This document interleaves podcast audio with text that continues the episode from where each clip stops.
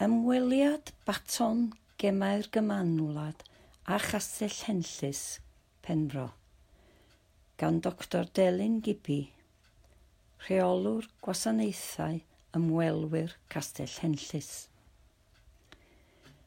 Ar y cyntaf o'r ffennaf, braint ac anrhydedd castell henllys oedd croesawu baton y frenhines – i ddynodi y bydd gemau'r gymanwlad eleni yn Birmingham a chyfle i deithio nôl i'r oes heian.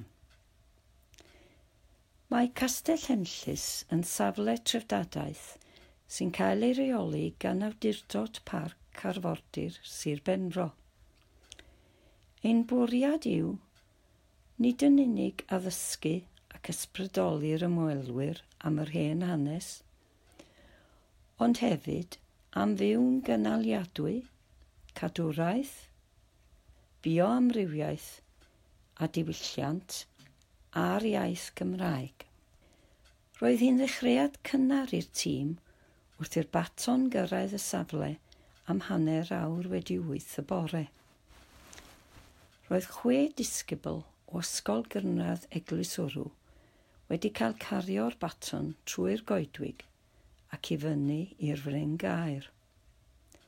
Pasio o dan bedwar bwa helig wedi ei dal gan rai o gynrychiolwyr Clwb Ffermwyr Ifanc Eglwyswrw, Yr Urdd, Cymraeg i Blant Penro, aelodau o'r tîm Parcmon, y Parc Cenedlaethol ac athrawon Ysgol Eglwyswrw.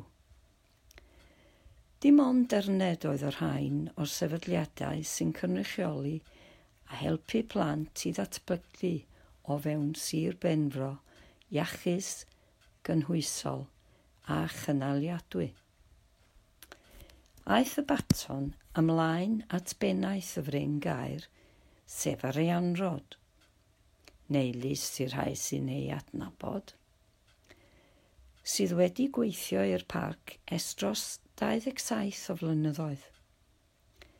Mae hi wedi bod yn allweddol i'r datblygiad a'r sefydliad. Dros y blynyddoedd, mae hi wedi trosglwyddo ei brwdfrydedd am gynaliadwyedd a chadwraeth a hanes i filoedd o blant. Dyma oedd digwyddiad cyffroes ac mewn chwinciad – roedd y baton wedi gadael am wdig i gael ei dderbyn gan neb llai na Jemima Nicholas. Bu digon yn digwydd weddill yr haff hefyd yng Nghastell Henllys. Awst y cyntaf, cyfle i ymuno â'r pentrefwyr am brynhawn o ddathlu dechrau'r cynheuaf.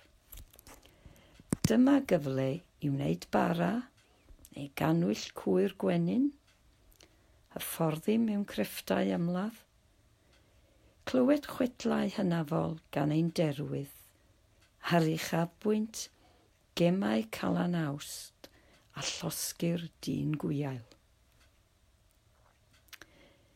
I gael mwy o hanes y castell, ewch i'r wefan.